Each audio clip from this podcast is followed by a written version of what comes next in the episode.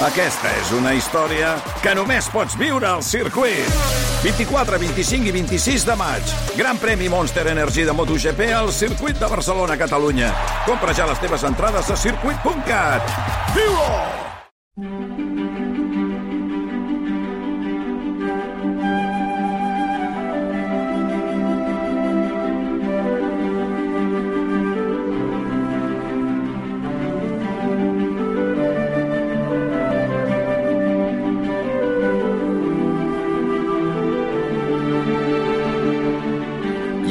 Hora del matí, que és entre intempestiva i plàcida, intempestiva per tots aquells que, que, en fi, que tot just estan tornant cap a casa seva després de o bé de treballar o en un altre extrem eh, tota aquella gent que encara no ha anat a dormir per qüestions d'oci i, de, i de gaudi, i plàcida per aquells que ara just es desperten amb una jornada de diumenge tan eh, esplèndida com la que tenim per davant i que obren un ull, encara es queden a dins del nòrdic del llit eh, i esperant que, que avancin una miqueta més els minuts per finalment llevar-se. És aquesta hora la que nosaltres eh, fem servir per desplaçar-nos a un racó que ens encanta, un eh, carreró empedrat eh, mig de la ciutat d'una de les ciutats del país que no hem volgut revelar mai, al final del qual hi ha un edifici sense altes pretensions arquitectòniques, però que amaga al seu interior una pila de meravelles. És l'Albazar de les Sorpreses i a la porta sempre l'Albert Beorlegui. Com estàs, Albert? Bon dia. Bon dia, Xavi, com estàs? Com va tot? Jo molt bé. I tu? Sí? Bé, força bé. Bé. Força bé. Potser, sí. encara, potser encara és aviat per valorar l'efecte del pluricó del pla, Bueno, eh, però pluricó.cat. saps allò... Tu te'n recordes a les uh, pel·lícules de l'oeste? Que, clar, això, parlar de les pel·lícules de l'oeste és Sí. com gairebé un anacronisme, eh? Sí. Però uh, quan eres petit i veies les primeres sessions el dissabte a la tarda i llavors estaven, per entendre'ns, els vaqueros estaven a l'últim desesperat moment i de sobte se, començava a sentir la trompeta del setè de cavalleria, Ah. saps allò del...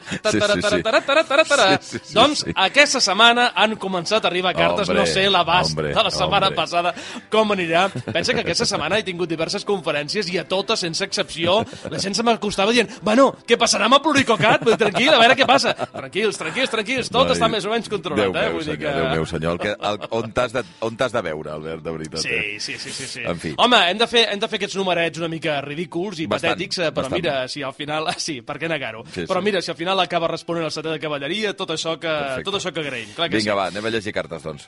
Mira, la... comencem amb una postal, una postal que eh, està datada el dia 30 d'octubre i que ens arriba, atenció, des de Hong Kong. Oh, caram, molt bé. Des de, al darrere veiem eh, des del port Victòria, eh, situat entre Hong Kong, la illa de Hong Kong, i la península Kowloon. I és, eh, doncs això, una vista magnífica del port de, de Victòria, amb tota una sèrie d'aquells edificis i amb caràcters, evidentment, eh, diguem orientals de tot, eh, de tot indescifrables. I podem dir el següent. Benvolguts, Albert i Xavi, som la Rosana i en Marc. Per feina viatgem pel món i en estones lliures molts cops ens posem rac i en concret el Basar de les Sorpreses. Sentir-vos ens distreu i ens fa sentir a prop de casa. I és per això que volem contribuir a que no us faltin postals. Ara us n'enviem una des de Hong Kong, lloc especial que us recomanem. Una abraçada, doncs, la Rosana i el Marc, Que bé. que eh, eh, ens envien també la seva adreça, per tant rebran contestació des del Masnou, des d'aquí de, des de Barcelona. Perfecte. I la Mira, segona? la primera postal que ens arriba. I la segona que ens arriba és... Uh, mira, és curiós perquè uh, aquesta setmana he anat a fer una conferència a Arenys de Mar Sí. i, al, uh, i al final de la xerrada se'm va costar, doncs mira, un dels remitents de la carta Ahà. que llegeixo avui, que és uh, la meitat, per entendre's, perquè són una parella, la Xesca i el Joan, se'm va costar el Joan i em va dir, escolta, que et vaig enviar una carta, que a veure quan la llegeixes, i, i, i jo de memòria de dir, crec que toca aquest cap de setmana. I, efectivament, uh, ens la va enviar des d'Arenys el dia 8 de, el dia 8 de, de novembre. Eh, Per tant, res, fa eh, pocs dies anem a, anem a procedir a la seva obertura i de dins extraiem diversos fulls en forma de cartilla eh, de color groc. I podem llegir Coll Sacreu, novembre del 2023. Benvolguts, Albert i Xavi. Primer de tot, vull demanar-vos disculpes, ja que he traït el meu principi d'enviar-vos una comunicació un cop heu llegit per antena la nostra última missiva. Yep. Ben bé ja fa... Sí, sí, es veu que sí que vam prometre, jo no me'n recordava la veritat, eh, que ens enviaré una altra carta. El cas és que eh, continua dient, ben bé ja fa cinc mesos que vàreu llegir la postal que us vàrem enviar des de Roma i el Vaticà, Ah, sí, on home, us sí. explicàvem l'episodi que ens vàrem trobar sense programar-ho amb les exèquies del Sant Pare. Avui, 5 de novembre, he eh, assegut davant de l'escriptori per fer-vos arribar unes poques línies i engegar a dida la meva procrastinació abans que es decreti aquell temible i terrible pluricocat. D'aquesta manera us vull explicar que, com gairebé cada diumenge pel matí, després de fer el te amb llet, escoltant la vostra meravella de secció, molts anys de vida al Besar de les Sorpreses, m'he disposat a fer una sortideta d'uns 50 quilòmetres amb l'avi. Sortideta, diu, eh? Ah, sí. 50 quilòmetres. Sí, però espera, espera. El nostre cotxe antic, Oh. herència del meu besavi. Oh, boníssim. Es tracta d'un Mercedes-Benz de l'any 1957, model 180D, a la sèrie 180, 190 i 220 també se les coneix com Ponton. Jo intento sortir a passejar un cop per setmana perquè així es mantingui en forma. Ja fa 13 anys que el vaig recuperar, el cotxe, del garatge de casa després que es passés 35 anys parat. El mecànic va posar una bateria nova i el tercer intent es va engegar amb el mateix gasoil del dipòsit de feia 35 Què anys. dius ara? D'aquesta manera ja fa 13 anys que el disfrutem i espero poder-li passar la meva il·lusió al nostre fill perquè continuï la tradició eh, si li ve de gust. Un cop més rebeu una forta abraçada i aprofitem per desitjar-vos bon Nadal i un millor 2024. Salutacions cordials, la Xesca i el Joan. És allò de I si no ens veiem, bon Nadal. Ah, això mateix, que vagi tot plegat molt bé. Eh? Uh, I m'envia una postdata que posa com que no és molt difícil d'endevinar uh, en, en el, el que surt a la foto, perquè m'envia també dos fotos, dues fotos, una amb una foto actual, amb una restauració impecable, matrícula de Barcelona 146435, uh, un cotxe d'aquells com els d'abans, saps aquells cotxes com els d'abans? I llavors amb una altra fotografia, doncs el mateix cotxe de fa uns quants anys, i ell, doncs quan devia ser un nen de dos o tres anys, assegut al, al palafang. I llavors el postscriptum diu, com que no és molt difícil d'endevinar el que surt a la foto assegut al paraxocs del cotxe, és un servidor uns 58 anys més jove.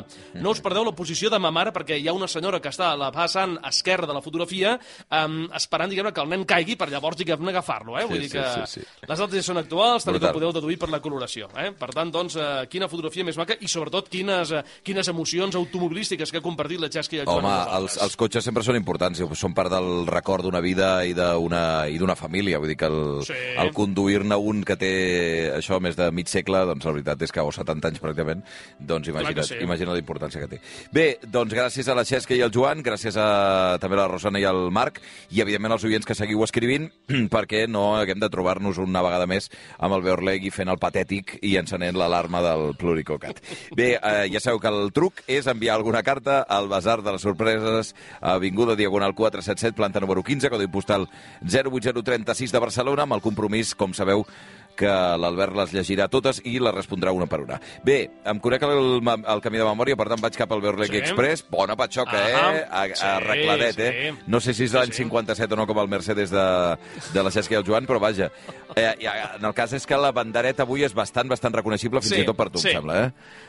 Bandera, sí, eh? bandera europea, eh, imagineu-la ja, la gent que ens esteu escoltant, bandera vermella amb creu blanca, per tant, anem a Suïssa, no? A Suïssa, efectivament. Avui marxem a Suïssa, al llac de Neuchâtel, que és un dels més grans del país, amb una superfície de 218 quilòmetres quadrats, i que es troba envoltat, doncs, això, de paisatges naturals, de nombroses vinyes, però també de ciutats que atreuen milers de turistes de la zona i d'arreu del món. I en aquest idíl·lic paisatge s'ha fet una descoberta fa poques setmanes que serà el punt de partida del nostre basar d'avui. Uh, a veure, coneixent que tu Què? molt fredolí que A no veure, ets, però que, a veure, no que fa fred, no ens però, enganyem. però, però, sí, però sí, em, sí, sí. em posen uns fregaus considerables. O sigui, jersei que... i jaqueta, no? Sí. Va, jo diria que avui doncs ja sí, està. sí, perquè, a veure, al, cos- al, al vés als costats dels llacs sempre fa com més fred, això, no? Al Sí, costat de nota la, marítims i tot la això. humitat. Sí? sí, sí. Això mateix. A Doncs Neuchâtel apa, va. anem, doncs. Val, doncs vinga, Això mateix, doncs va, endavant!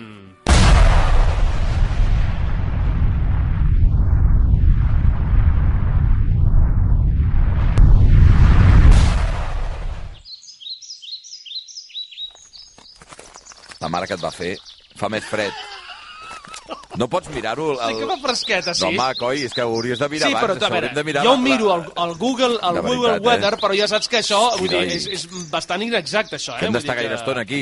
Beurlegui, que tinc home, fred, home, però, per favor. Però i aquests ocellets, i aquests Sí, no, ocellets? molt tu? macos, molt macos. Oita. Congelaran aquí. Oita, que bonic tot. Compte, compte, no rellisquis, que aquí, Ai, mira, ai, és que ai, estàs al costat. Vigila, vigila, vigila, vigila. Ja, ja. A veure si, a veure si, a veure si prendrem mal, Xavi. per favor, eh? Bueno, què fem aquí? A veure, mira, És bonic, és tot bonic. això que veiem... Al... Sí, és pressió, pressió. Mira, aquí tenim al davant eh, el llac.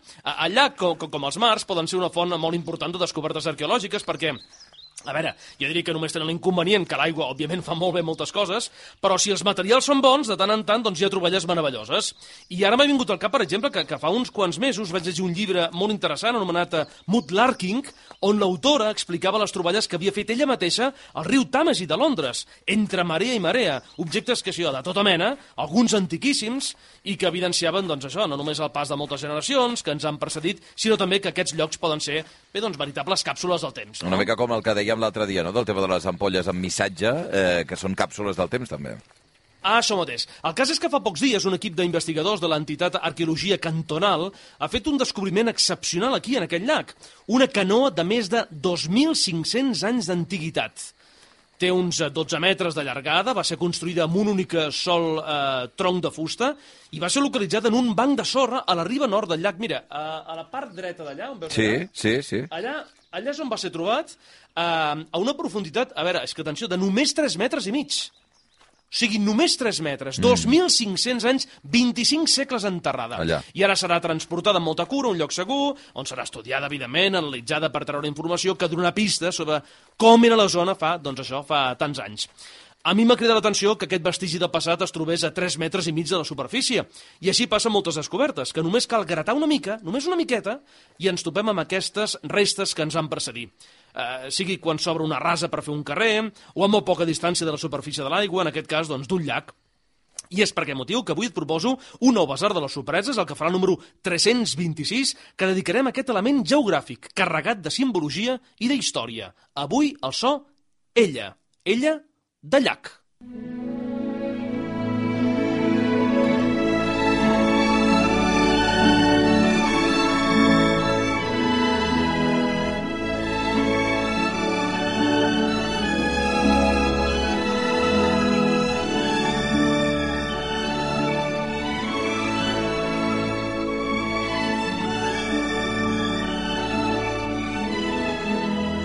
em sembla que tenen un, un atractiu als llacs bastant, eh, bastant evident i bastant Sí.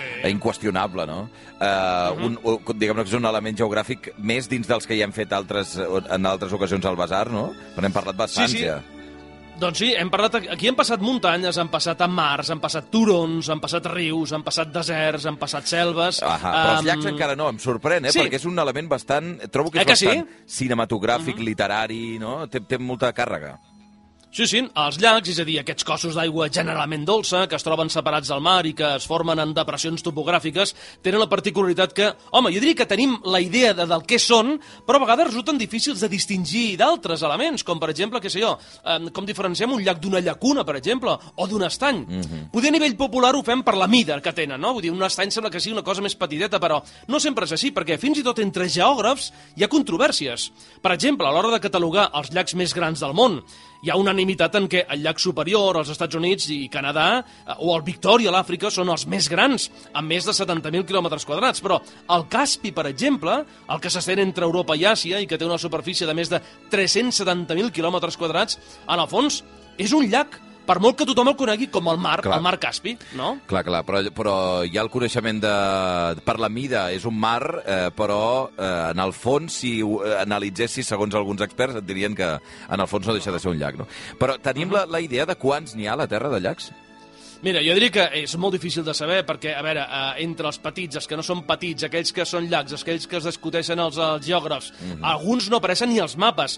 Tot i que hi ha un estudi que afirma que hi ha més de 304 Què milions de llacs a la Terra. Sí. I el que és més interessant és que no només hi ha llacs al nostre planeta.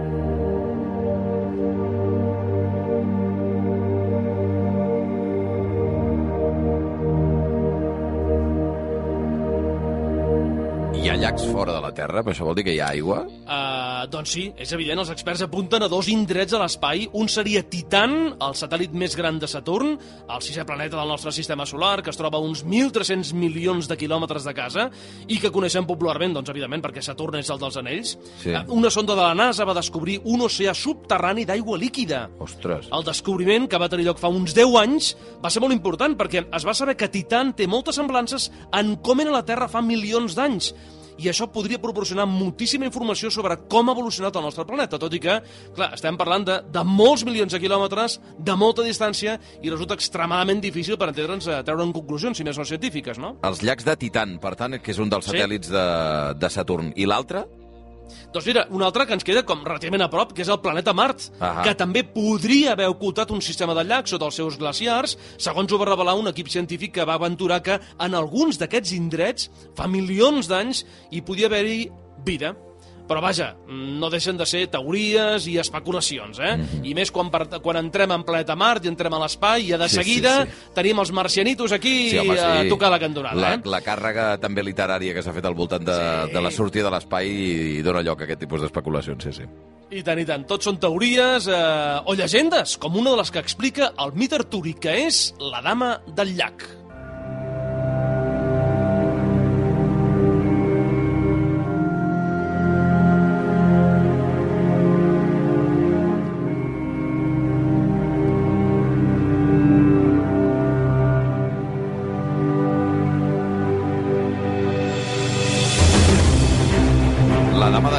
Un dels grans mites de d'Artur, no? De, la, de les Correcte. llegendes artúriques de Camelot i d'Excalibur i tot, Sí, sí, i sí, tot sí. això, no?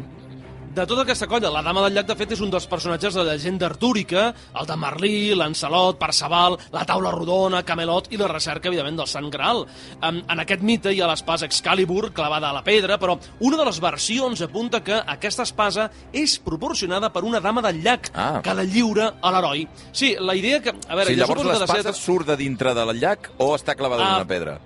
Bueno, depèn de la versió. Ahà. O sigui, eh, segurament que a nosaltres ens tenim més en ment la versió de la pedra, perquè hem vist Merlin l'encantador del Walt Disney, Sí, per sí. entendre'ns, que no pas la de- la- l'altra versió, que és la del, la del llac. És a dir, del llac sorgeix una mà que llança l'espasa... Mira, això surt precisament a la pel·lícula Excalibur d'en John Boorman, surt aquesta, aquesta alteralitat del mite, no? Eh, també això es relaciona amb un altre personatge de la colla, que és l'Ancelot del llac. Eh? Mhm. El seu origen, evidentment, és molt antic, probablement pagà, i es podria remuntar a la mitologia celta, tot i que també està present en altres cultures. La figura de la dama acostuma a exercir sempre una funció protectora, però a vegades pot ser també malèfica i monstruosa. I parlant de monstres, quin és el més conegut de tot un llac? Doncs, òbviament, en Nessie.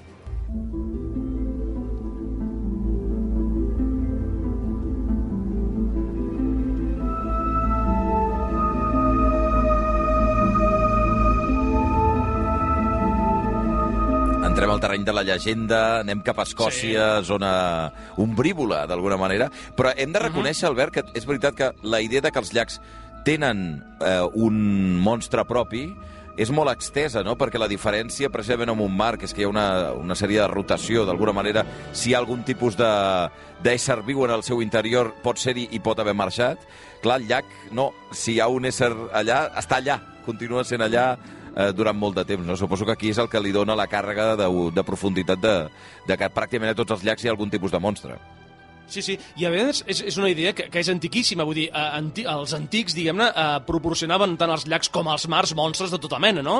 Només ha sigut amb els anys, amb els segles, que els descobriments, la ciència, han erradicat tots aquests mites, totes aquestes llegendes, però hi ha algunes que, malgrat les evidències, es neguen a desaparèixer. Clar. A totes les cultures hi ha monstres als llacs, però, noi, no sé què tindrà Nessie, el monstre del llac Ness, perquè eh, acabi pervivint malgrat les contundents proves que, que hi ha al respecte, no? Eh, eh, recordem, eh, el llac Ness és una criatura llegendària que es diu que habita en aquell llac d'aigua dolça, prop de la ciutat d'Inverness. Clar, més, Inverness és una, és una ciutat que té eh, reminiscències experianes, perquè el seu Macbeth en parla del bosc d'Inverness, eh? Vull dir, de, de, és una de les tres profecies que, que fan les, les bruixes quan eh, són preguntades per Macbeth sobre què és el que farà per coronar-se rei, no? Bé, la referència més antiga de monstre, clar, és de fa 15 segles. Mare meva. 15 segles! Home, a, a veure, per molt, per molt immortal que sigui aquest monstre, clar, com a mínim hi hauran d'haver-hi dos monstres perquè es puguin, diguem-ne, tenir Sí, sí. Monstre, monstrets, no?, Sí, per sí, entendre's, sí. perquè si no,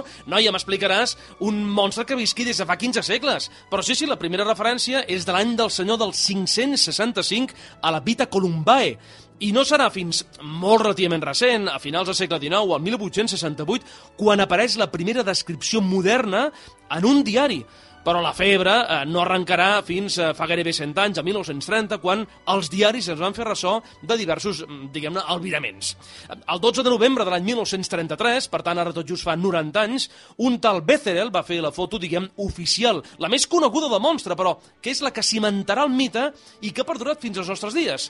I amb el temps, tot i que va confessar que l'imatge estava trucada i que el suposat monstre estava fet amb fang enganxat a un Sí, submarí sí, de sí. joguina que va posar l'aigua, eh? però malgrat aquesta idea que ha estat, eh, diguem-ne, desmentida centenars de vegades, encara hi ha qui creu, no? És com el mite del Walt Disney congelat, que és d'aquelles Sí, idees veritat, que jo haig d'explicar sempre a cada conferència, no? I sí, malgrat les reiterades demostracions que el monstre és només un mite, doncs aquest ha acabat perdurant.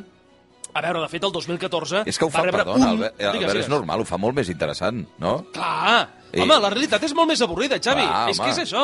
La imaginació sempre és molt més interessant que no pas la, la prosaica realitat, no? I, això, I de tant en tant hi ha alguna pista, alguna cosa que la gent s'hi agafa per dir, veus, ho veus? Jo ho deia, això, eh? Llavors surten els negacionistes i diuen, veus, clar, aquests interessa, per què sé jo, quins interessos, no? El 2014, per exemple, va rebre un nou impuls quan l'Apple Maps va fotografiar via satèl·lit el llac i semblava captar unes ombres que podrien recordar un monstre que posteriorment, evidentment, van ser refutades.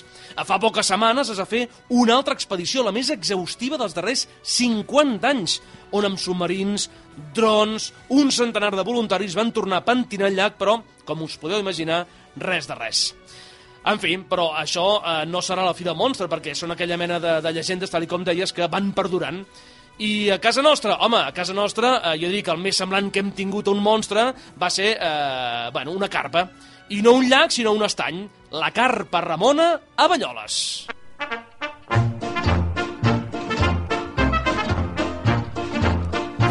Hem de dir que a Banyoles també hi ha la llegenda d'un monstre dins del Sí, llac. el que passa sí, és que la sí, carpa sí. poc, poc, monstre, poc monstre és, diguem-ne. Però almenys va existir, això sí. Sí, sí, no, no, no, i tant. Uh, i, i, a veure, jo estic convençut, convençut que molts oients la recordaran. Jo, de fet, de petit vaig anar a Banyoles i l'únic que recordo de Banyoles són dues coses. El famós negre, per entendre'ns, que era Sí, quan encara sí. es podia visitar, Mare i la famosa carpa. Res de les finques modernistes, res del bressol, I de mira res, que, és, i mira que és bonic Banyoles, de veritat, eh? Però, bueno... És preciós, és una vila maquíssima. I, eh, doncs això que ho deia, no? La, la carpa Ramona va ser un peix llegendari que va viure durant més de 60 anys i que va arribar a pesar 15 quilos. El seu origen es remunta a l'any 1910, quan va tenir lloc la Festa del Peix. I en aquesta celebració els nens i nenes de la vila van ser cridats a llançar a l'aigua de l'estany peixos de tota mena que els havien entregat en peixeres de vidre. I a partir de llavors l'estany es va poblar de noves espècies i d'entre tots els alevins, al cap dels anys la Ramona va destacar per la seva longevitat i la seva mida que anava variant segons l'exageració, això sí, de qui ho explicava. Perquè això també, també ho això, eh? Es diu que va créixer fora mida gràcies als cacauets amb closca que els visitants li anaven donant. I crec que quan va morir la van dissicar i tot. L'any passat Ah, no li van sé. dedicar, per cert, una mona de Pasqua. Déu-n'hi-do. Són aquella mena d'històries que són fascinants i molt, molt entretingudes, eh? Va, i si el llac de Banyoles tenia carpes, el de Tchaikovsky tenia signes.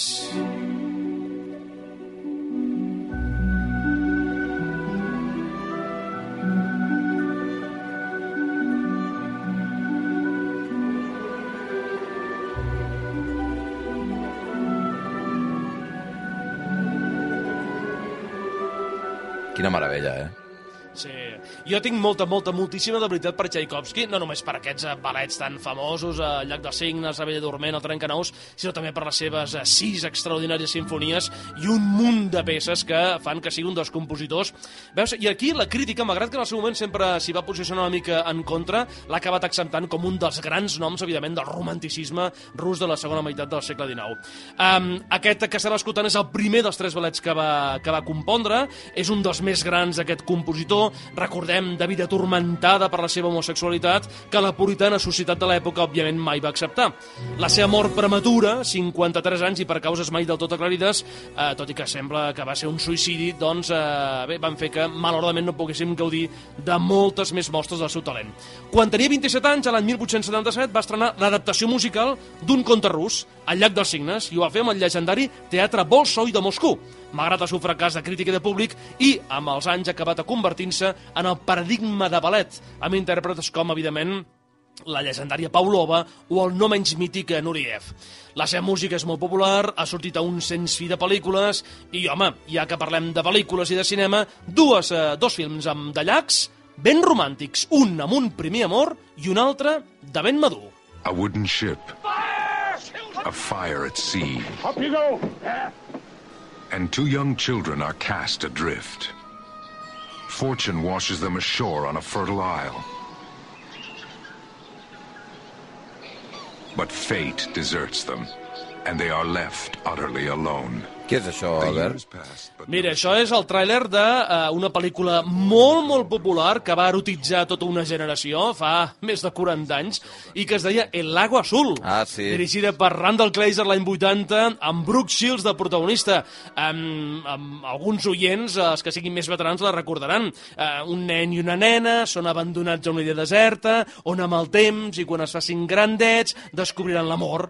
I malgrat el seu plantejament tan simple, banal, jo diria que vulgar, va comptar, això sí, amb una excel·lent fotografia de Néstor Almendros, la música d'en Basil Poledouris, però és una pel·lícula que bueno, va enlluernar, tothom recorda, bé, tothom recorda sobretot a la Brooke Shields, per entendre'ns, de, del Lago Azul. Per aquell qui la vulgui i s'atreveixi a recuperar-la, es pot eh, veure a Netflix, Amazon i Apple TV, entre d'altres. No sé si tu la coneixes, aquesta pel·lícula. Sí, jo no, recordo flaixos, eh? L'he vist eh, fa anys i a trossos, em sembla, o sigui que no... no per mi no va ser un, un impacte, jo era una criatura, eh? Però, de fet, quan va sortir la pel·lícula no havia ni nascut, imagina't. Sigui que No, per això. Ah, No, no, i a- Digues, digues. No, no, que a més, eh, 17 anys més tard es van, es van atrevir, es van eh, a perpetrar una mena de segona part que es deia Regreso al Lago Azul. Imagina't, Vull dir que, imagina't. I era exactament igual, eh? Vull dir que passa que, evidentment, canviat, canviat, canviat els nois. Eh? Vull Ens, dir que... ens parlaves d'un primer amor en aquesta primera pel·lícula. Sí. Queda la pel·lícula amb un amor més, diguem-ne, més madur. Un amor més madur que també té un llac de transfons. Estem parlant d'un mes en el lago. Lauren Films le invita a escapar a un lugar tan encantador. ¿Me acompaña? Oh, no quisiera molestar. No, no molesta.